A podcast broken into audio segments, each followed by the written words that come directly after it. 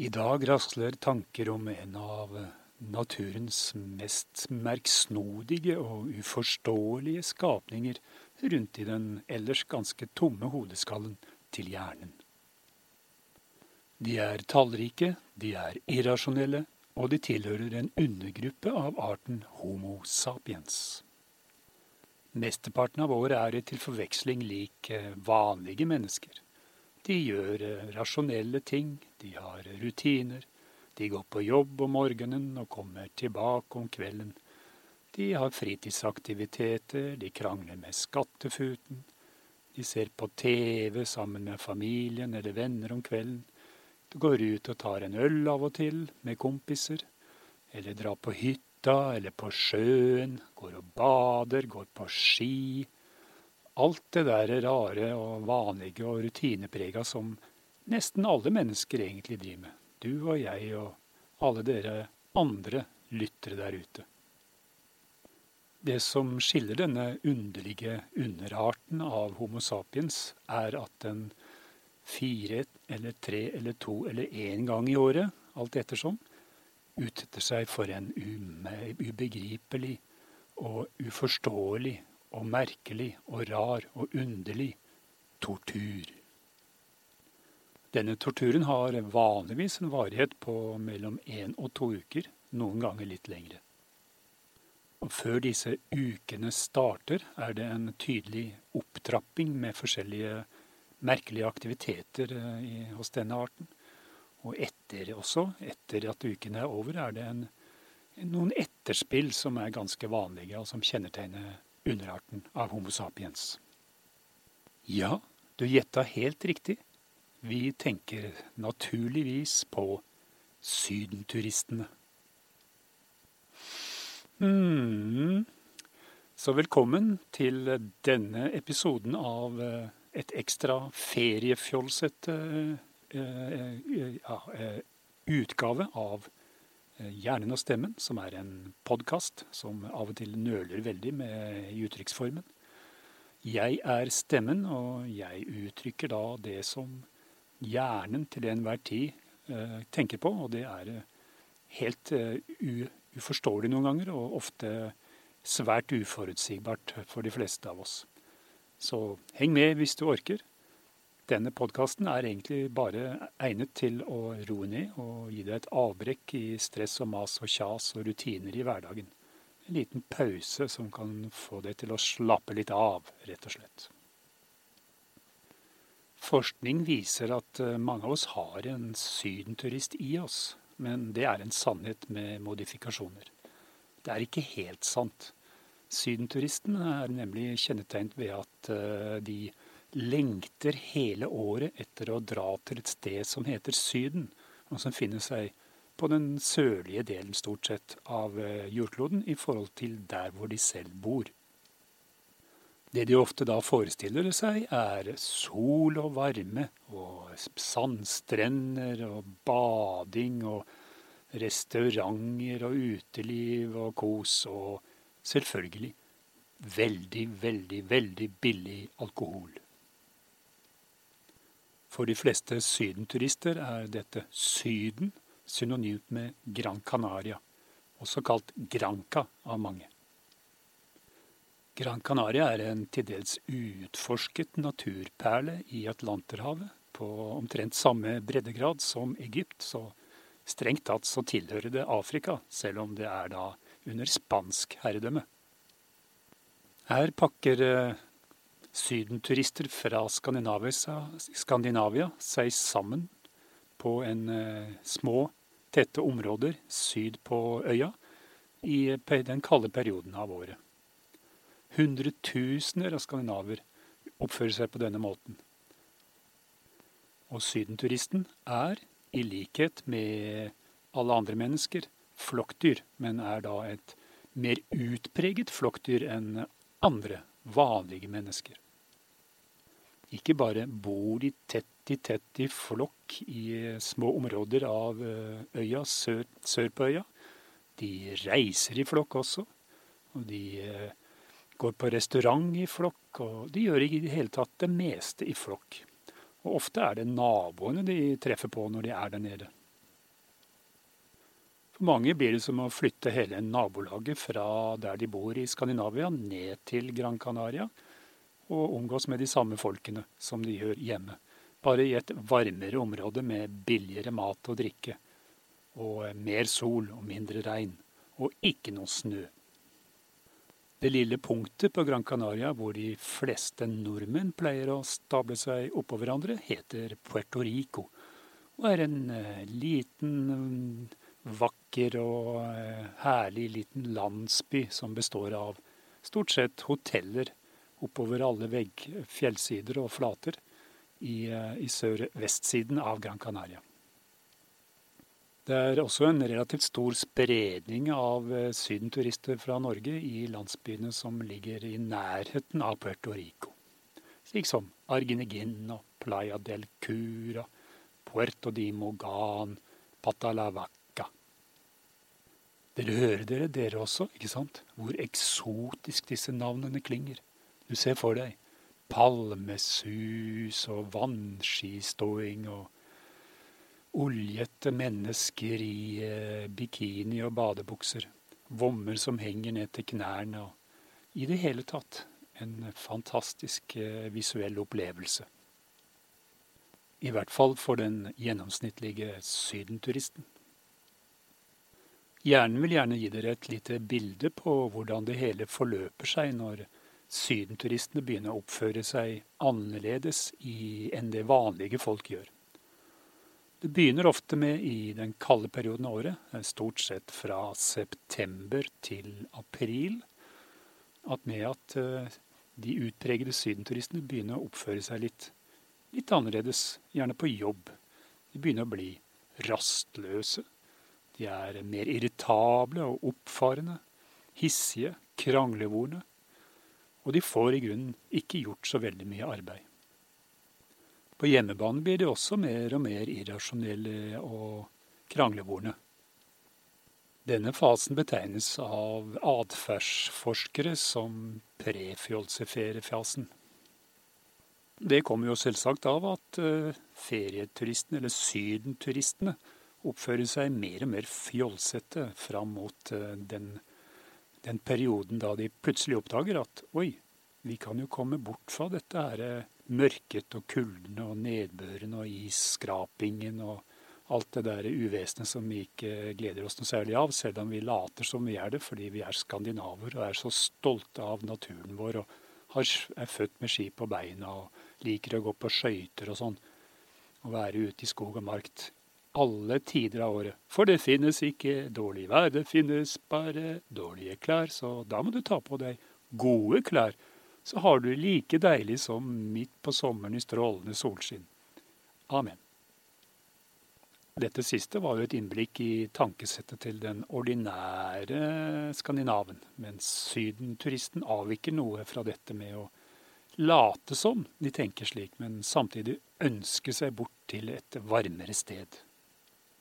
Den tidlige prefjolseferiefasen går over i en eh, det de kaller på av, av forskerne som analyserer, atferd, en form for uh, fjolseeufori.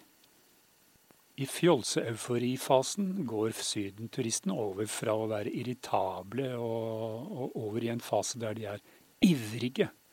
At de gløder av iver og er veldig aktive med søk på internett. De sitter foran skjermen time etter time, ivrig klikkende og glanende hele dagen gjennom, på jobb, og får fortsatt ikke gjort et slag med ordinært arbeid.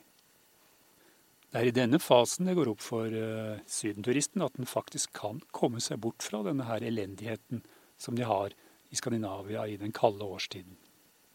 Og da klikker han seg inn på alle mulige slags glansbilder av ferielivet på Gran Canaria, eller beslektede steder som egentlig er ute etter å ligne mest mulig på Gran Canaria uten egentlig å være det.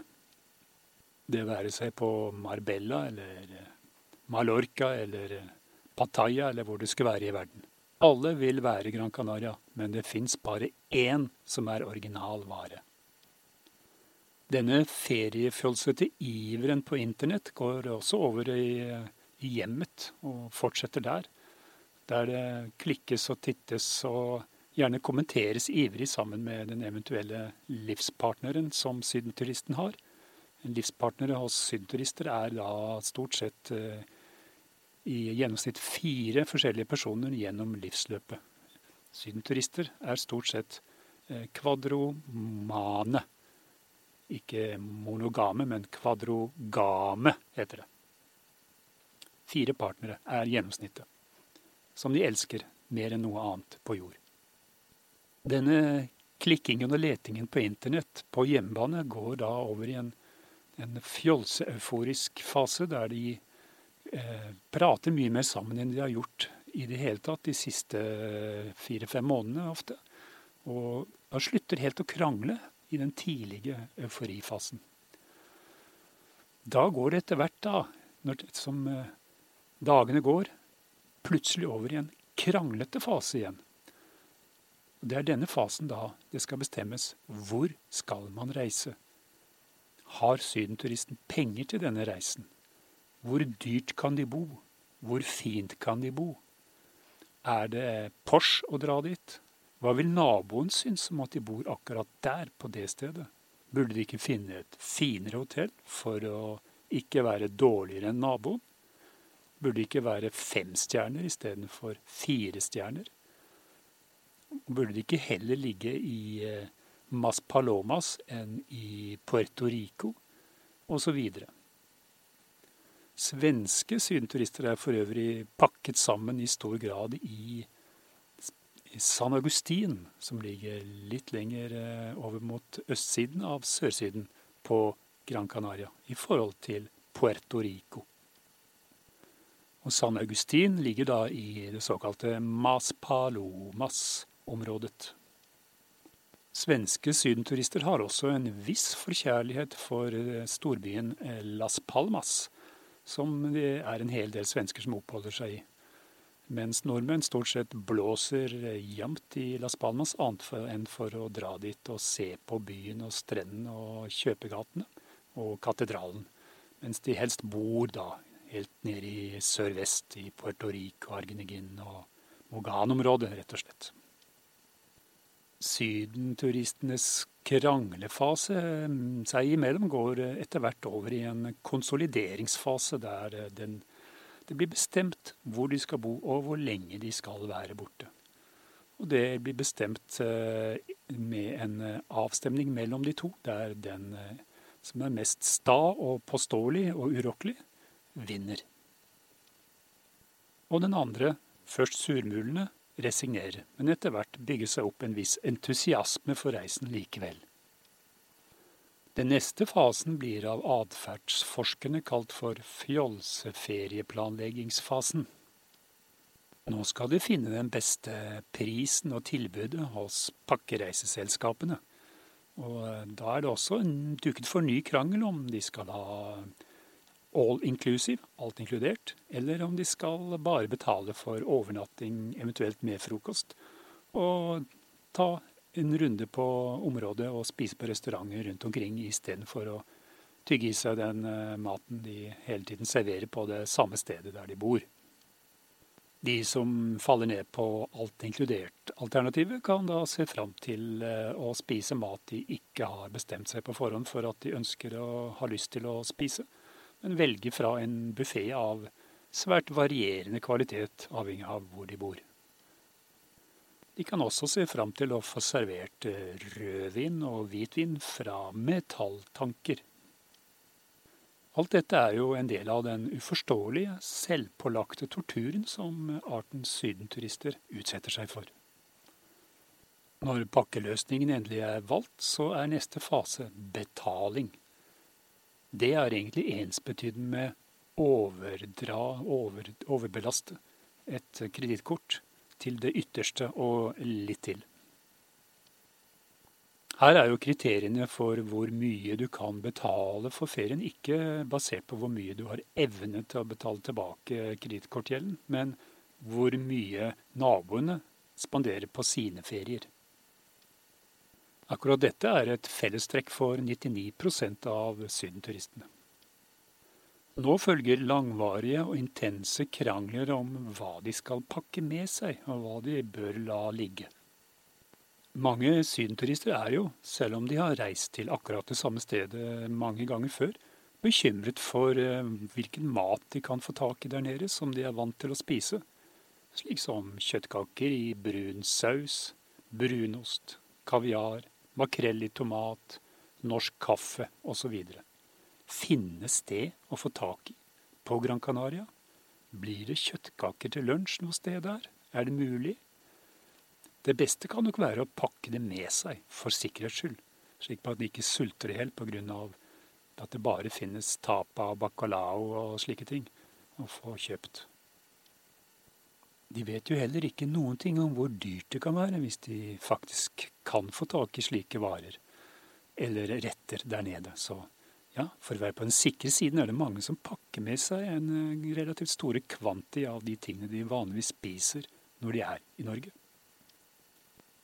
Dette kan, på, kan man se på som en rasjonell handling eller en irrasjonell handling, alt etter hvilket ståsted man har.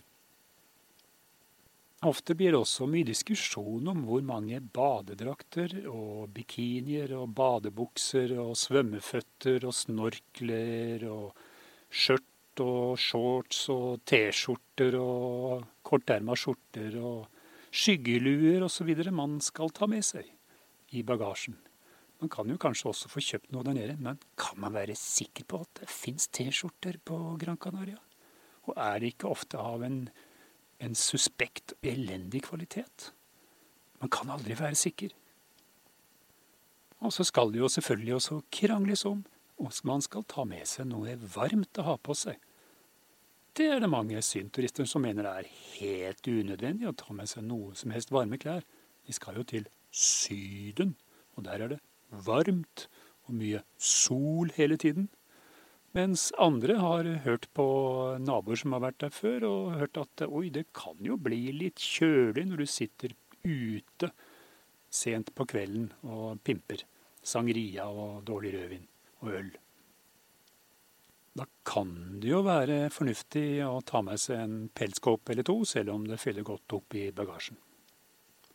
I det hele tatt er det duket for uendelige krangler i denne fasen. Mm, Dagen før avreise til dette Syden forandrer oppførsel seg igjen.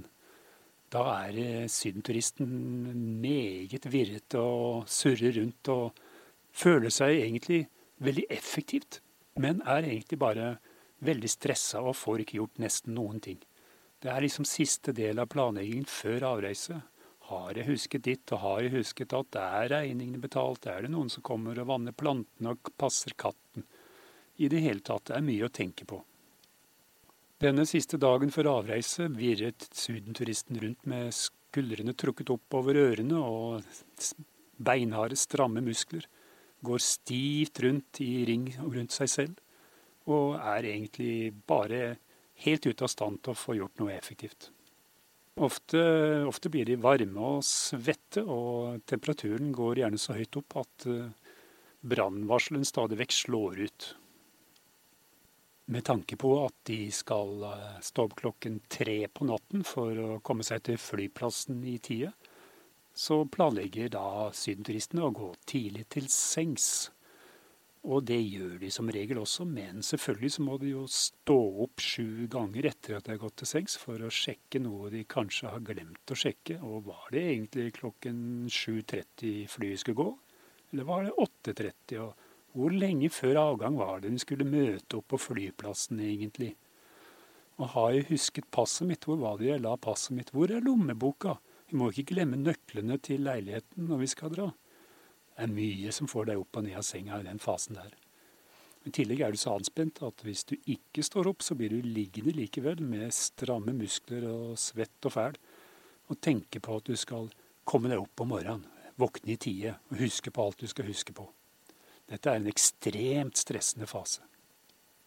Så på avreisedagen, opp klokken tre på natten, og irritabel og trøtt skal dere da gjerne som par samle sammen alt dere skal huske, og klare å komme dere ut i, til taxi eller flytog eller flybuss eller hva det er, det er dere reiser med. Og selvfølgelig så glemmer dere ganske mye underveis og må hele tiden tilbake igjen til leiligheten etter å ha stengt døra bak dere, for å hente ting og sjekke ting som dere kanskje ikke har sjekka. Dette er det punktet i eh, sydenturistens feriefjolsreise feriefjolsereise som temperaturen, reisefeberen, er på sitt høyeste. Når de da har satt seg inn i taxien eller flytoget eller flybussen, så er det fortsatt en viss feber med tanke på at de Kan de komme for sent? Kan det bli en forsinkelse? Kan det bli noen stopp underveis, sånn at de ikke rekker fram til innsjekkinga i tide? Og fikk de med seg bagasjen? Har vi husket håndbagasjen? Har de med passet? Og hvor er passet mitt? Jeg har ikke håndveska. Hvor ble det av? Å, gudskjelov, jeg har det der, ja. I lomma. På kåpa. Og i det hele tatt, det er ingen rolig fase, denne innledende fasen av sydenferien. Vel framme på flyplassen, for de som tar buss, så er det jo gjerne litt trengsel der. Alle vil helst først ut av bussen for å rekke flyene sine. Det blir puffing og knuffing og småkjefting. De river og sliter i bagasjen og dytter hverandre vekk for å komme til. Det er også en relativt urolig fase i sydenferien. Neste trinn i torturen er å stille seg i den uhyggelig lange køen foran innsjekkingsskranken. Det er her sydenturistens utålmodighet når en helt ny topp. Det er også her en viss eufori setter inn, slik at det veksler mellom euforisk glede og hissig utålmodig glefsing. Neste trinn i sydenturistens tortur er da sikkerhetskontrollen. Der du skal legge ting og tang i en trau. Du skal huske på å legge alt av metall i et trau. Du skal huske på Du har jo selvfølgelig med deg en PC eller et nettbrett og en mobil som du må legge i et trau. Og det er selvfølgelig lang kø også der ved innsjekkinga. Og du begynner å lure på om du kanskje mister hele, hele flyet ditt og kommer for sent til sydenferien. Og det ville være katastrofe, for ikke å tenke på det økonomiske tapet, for du har jo selvfølgelig ikke kosta på deg en avbestillingsforsikring eller en annen type reiseforsikring som kan dekke at du kommer for sent. Det er det jo ingen forsikringer som dekker. Når du endelig kommer deg gjennom sikkerhetskontrollen, da etter at du har måttet eh, saumfares av uh, sikkerhetsvaktene fordi det piper når du går gjennom portalen, og det piper når de sjekker deg manuelt med den dingsen de farer rundt over kroppen med, helt til det viser seg at du har uh, metallfolie i innleggssålen i skoene dine, og da er mysteriet løst. Og Da er det bare å gå bort og få samla opp alle tingene du har lagt på samlebåndet. Eh, håndbagasjen og alt som ligger i tauene. Og der er det selvfølgelig ikke noe trengsel for å få tak i det. Og folk dytter på for å komme frem til disse her båndene og de her rullene hvor trauene kommer rullende. Uten tanke på at det kanskje er noen andre som har sin, eh, sitt trau liggende der. Så der blir det også en, en viss trengsel og irritasjon og glefsing normalt. Dette hører med til eh, sydenferien. Og det, det, er slik det skal være. Og nå begynner det å nærme seg styggfort for avgangstidspunktet. Men du skal jo selvfølgelig rekke en tur innom taxfree først for å kjøpe med deg noe ferieparfyme og noe feriedrikke og noe feriesigaretter osv. Kanskje litt feriesjokolade også. Så da er det det å styrte gjennom eh, taxfree-en og virre rundt hodeløs som en, en, en, høns uten hode, til du klarer å raske med deg feil parfyme og feil sigaretter i siste øyeblikk. Betale det, etter å ha stått i den lange køen og trippa, og springe mot gaten. Vel framme ved gaten viser det seg at uh, passasjerpanikken har slått inn allerede en halvtimes tid før gaten skal åpnes alle vil jo gjerne sikre seg at de faktisk kommer med på flyet og vil stå først i køen, så der er det en viss trengsel også. Etter å ha passert gaten blir det en ny uh, utålmodig tripping i køen for å komme inn i flyet. Ofte viser det seg at sydenturistene har eh, sitteplass lengst bak i flyet, og de går da likevel inn lengst foran i flyet. Dermed blir det ofte ekstra mye venting eh, til å komme seg ned til sin eh, egen sitteplass, fordi veldig mange av de andre passasjerene har store problemer med å få satt seg ned der de skal sitte lenger framme i flyet, og bruker mye tid på dette, og dermed bygger det seg opp kø bak dem. Dette er også et helt vanlig trekk på en sydenturistreise. Når de da endelig får sett seg ned, så viser det seg at de sitter aller bakerst i flyet, helt ned bak ved toalettene. Og det viser seg også at de skal sitte mellom to ekstremt breie berg av noen mennesker. Midt imellom skal de klemme seg inn. Det er selvfølgelig ikke plass til mer håndbagasje oppi hyllene, i og med at du er en av de siste som har kommet fram til sitteplassen. Og der blir det da nødt til å ta med deg Eller sydenturisten, da. Ikke du spesifikt, med mindre du er en sydenturist. Men sydenturisten må da ta og nøye seg med å måtte sitte med håndbagasjen under beina på hele reisen. Dette er den fasen av sydenreisen som atferdsanalytikerne kaller tubetorturfasen. Her klemmer sydenturistene seg i flokk inn i et langt og trangt tube, en rør av metall, hvor de skal sitte tett sammen med folk de ikke vet hvem er, eh, ikke vet hvilken eh, opprinnelse de har, og hva de heter, eller eh, i det hele tatt hvordan det lukter, hvordan det ser ut. Og der skal de sitte og klemme i mange, mange timer. Til Gran Canaria kanskje så lenge som bortimot seks timer. Uten noen muligheter for å unnslippe. Her blir de underveis i reisen servert mat av eh, udefinerbart utseende, lukt, konsistens og smak. Og selvfølgelig vil de også da bli utsatt for det kjente fenomenet da idet de løfter kaffekoppen opp av brettet foran seg, at passasjeren foran plutselig brått vipper setet bakover, slik at du får kaffen i fanget.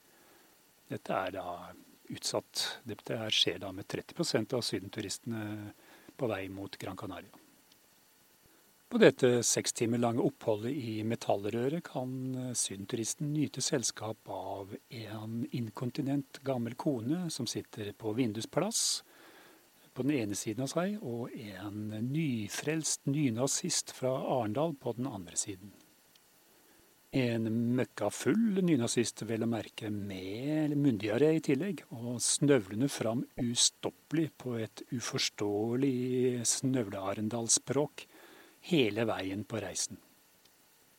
Med hyppig bruk av uttrykk som herrefolk og undermennesker, og fleksende med underarmene hvor det er tatovert to kors.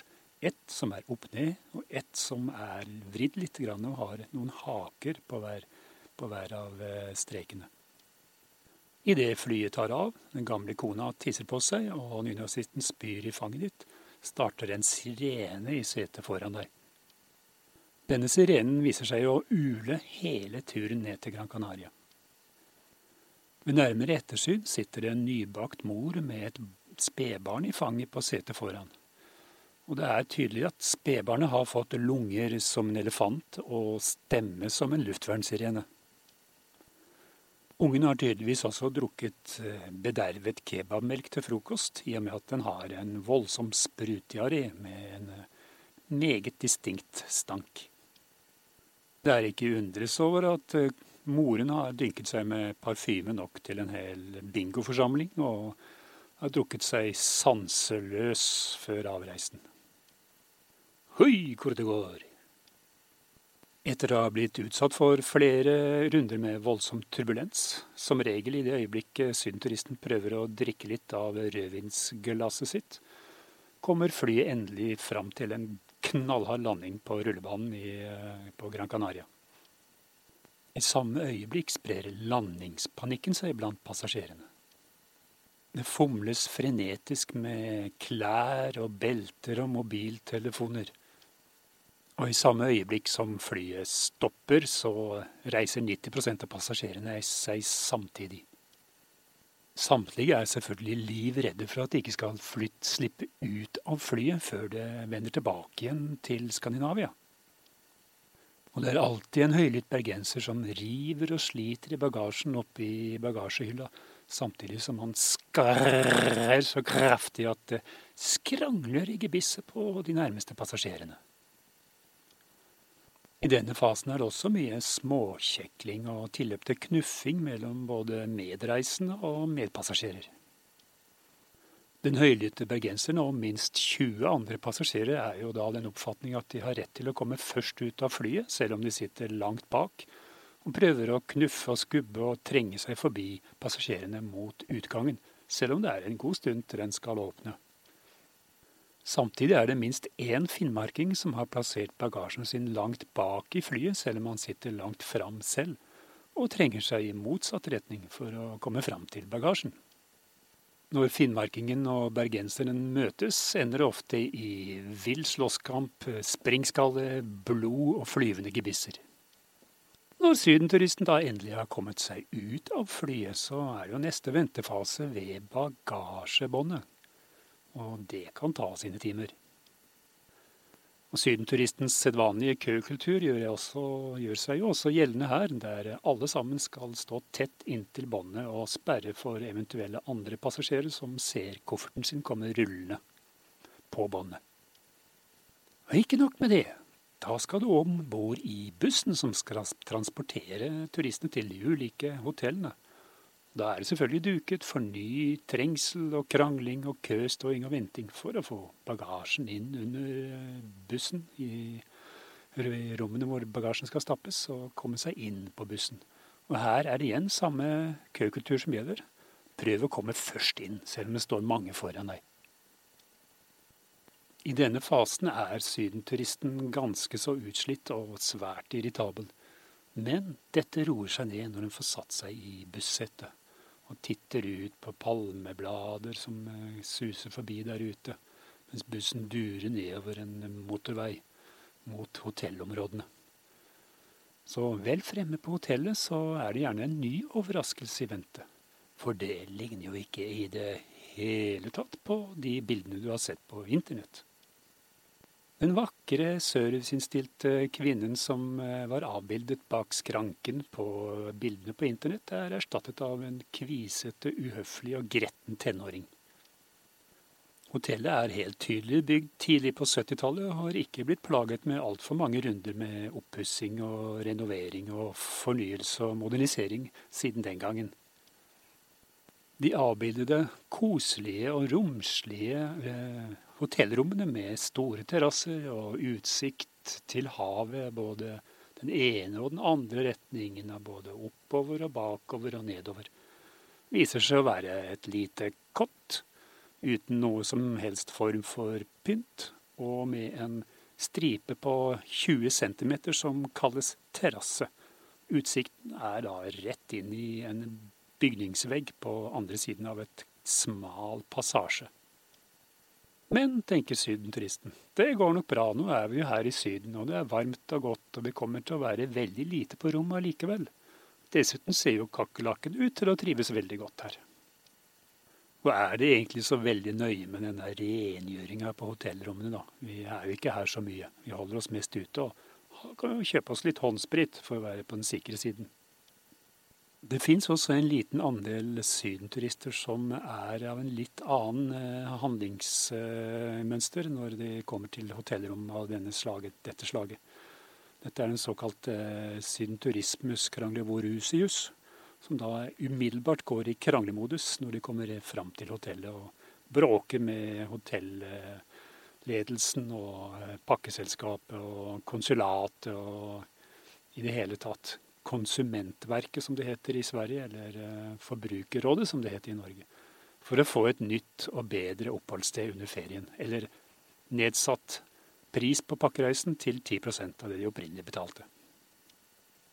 Det flotte, store badebassenget som var vist på bildene, viste seg å være en liten dam som er 30 cm dyp, og eh, solstolene, som er gamle og slitte, og det er veldig få, er egentlig alltid opptatt. Fra før solen står opp til etter at solen har gått ned.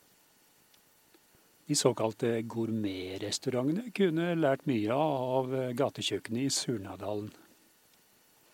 Men, men, det viktigste er tross alt å bli mett og full, tenker sydenturisten, og nøyer seg med det. Oppholdet på rommet etter ankomst blir eh, alltid av svært kort varighet. Det gjelder jo å komme seg ut. Nå er euforien på topp.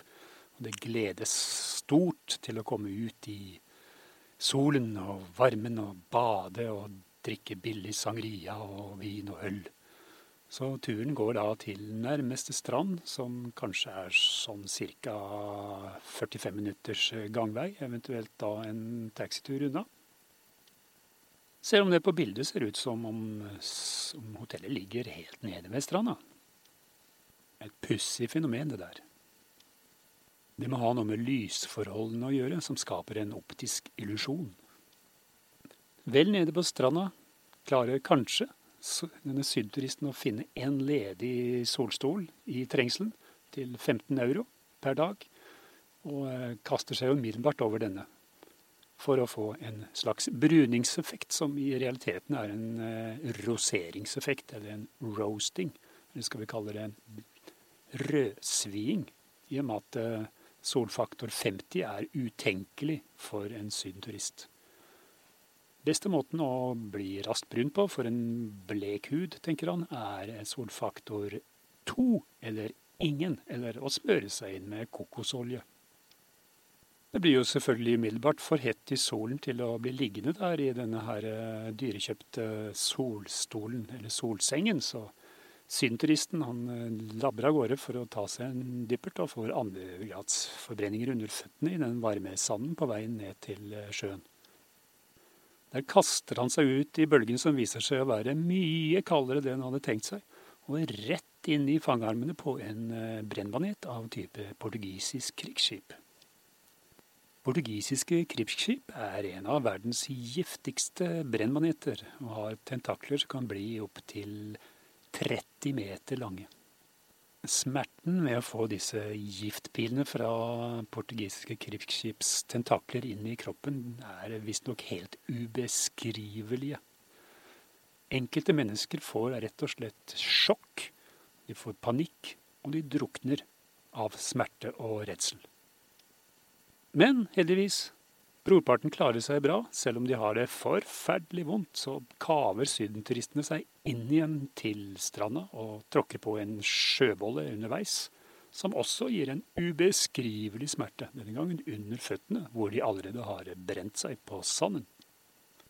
Dermed er dag to, tre, fire, fem, seks og sju av ferien eh, gitt av seg selv.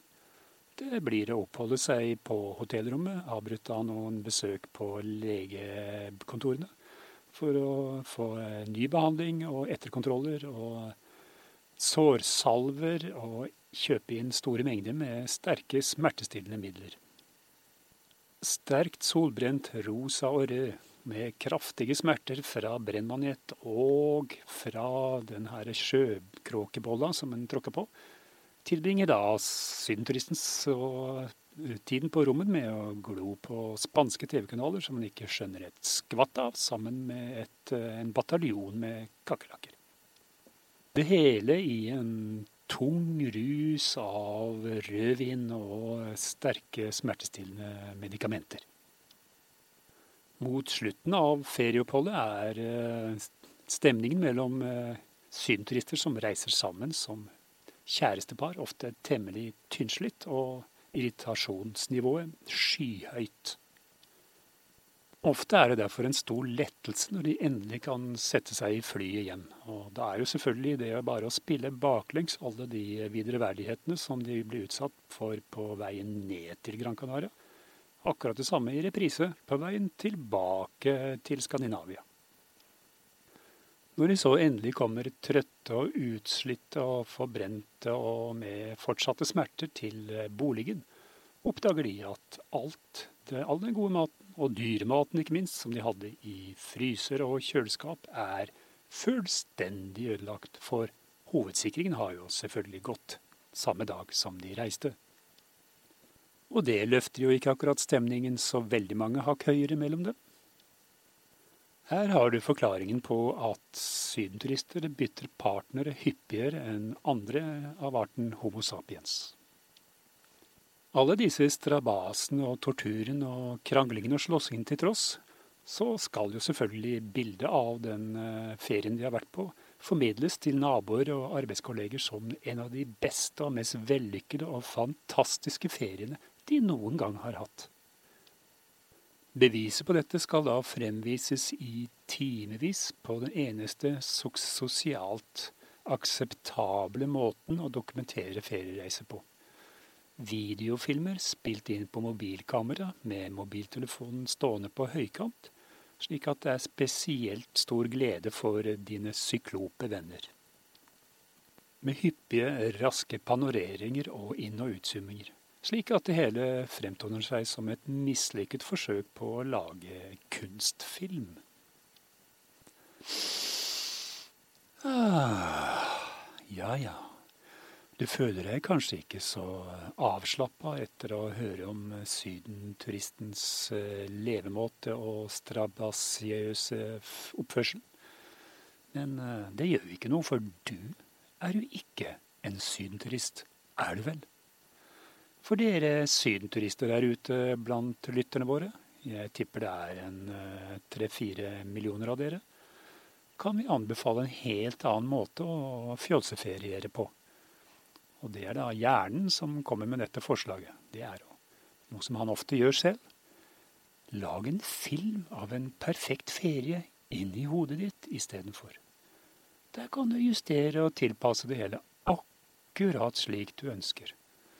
Og det er ingen problemer underveis. Ingen plager. Bare glede og sol og fryd i hele feriereisen.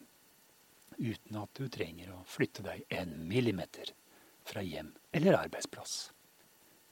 Så det så.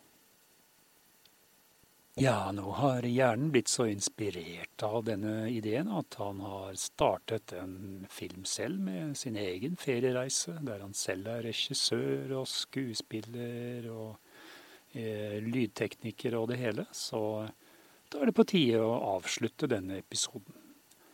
Og det gjør vi, som vi alltid gjør, med å sitere Lars Saabye Christensen. Ta det med ro, du kommer tidsnok for sent. Og vil du vite mer om sydenturisme, så kan du ta på en plate, et album med gruppa 10CC som heter Bloody Tourists. Ah.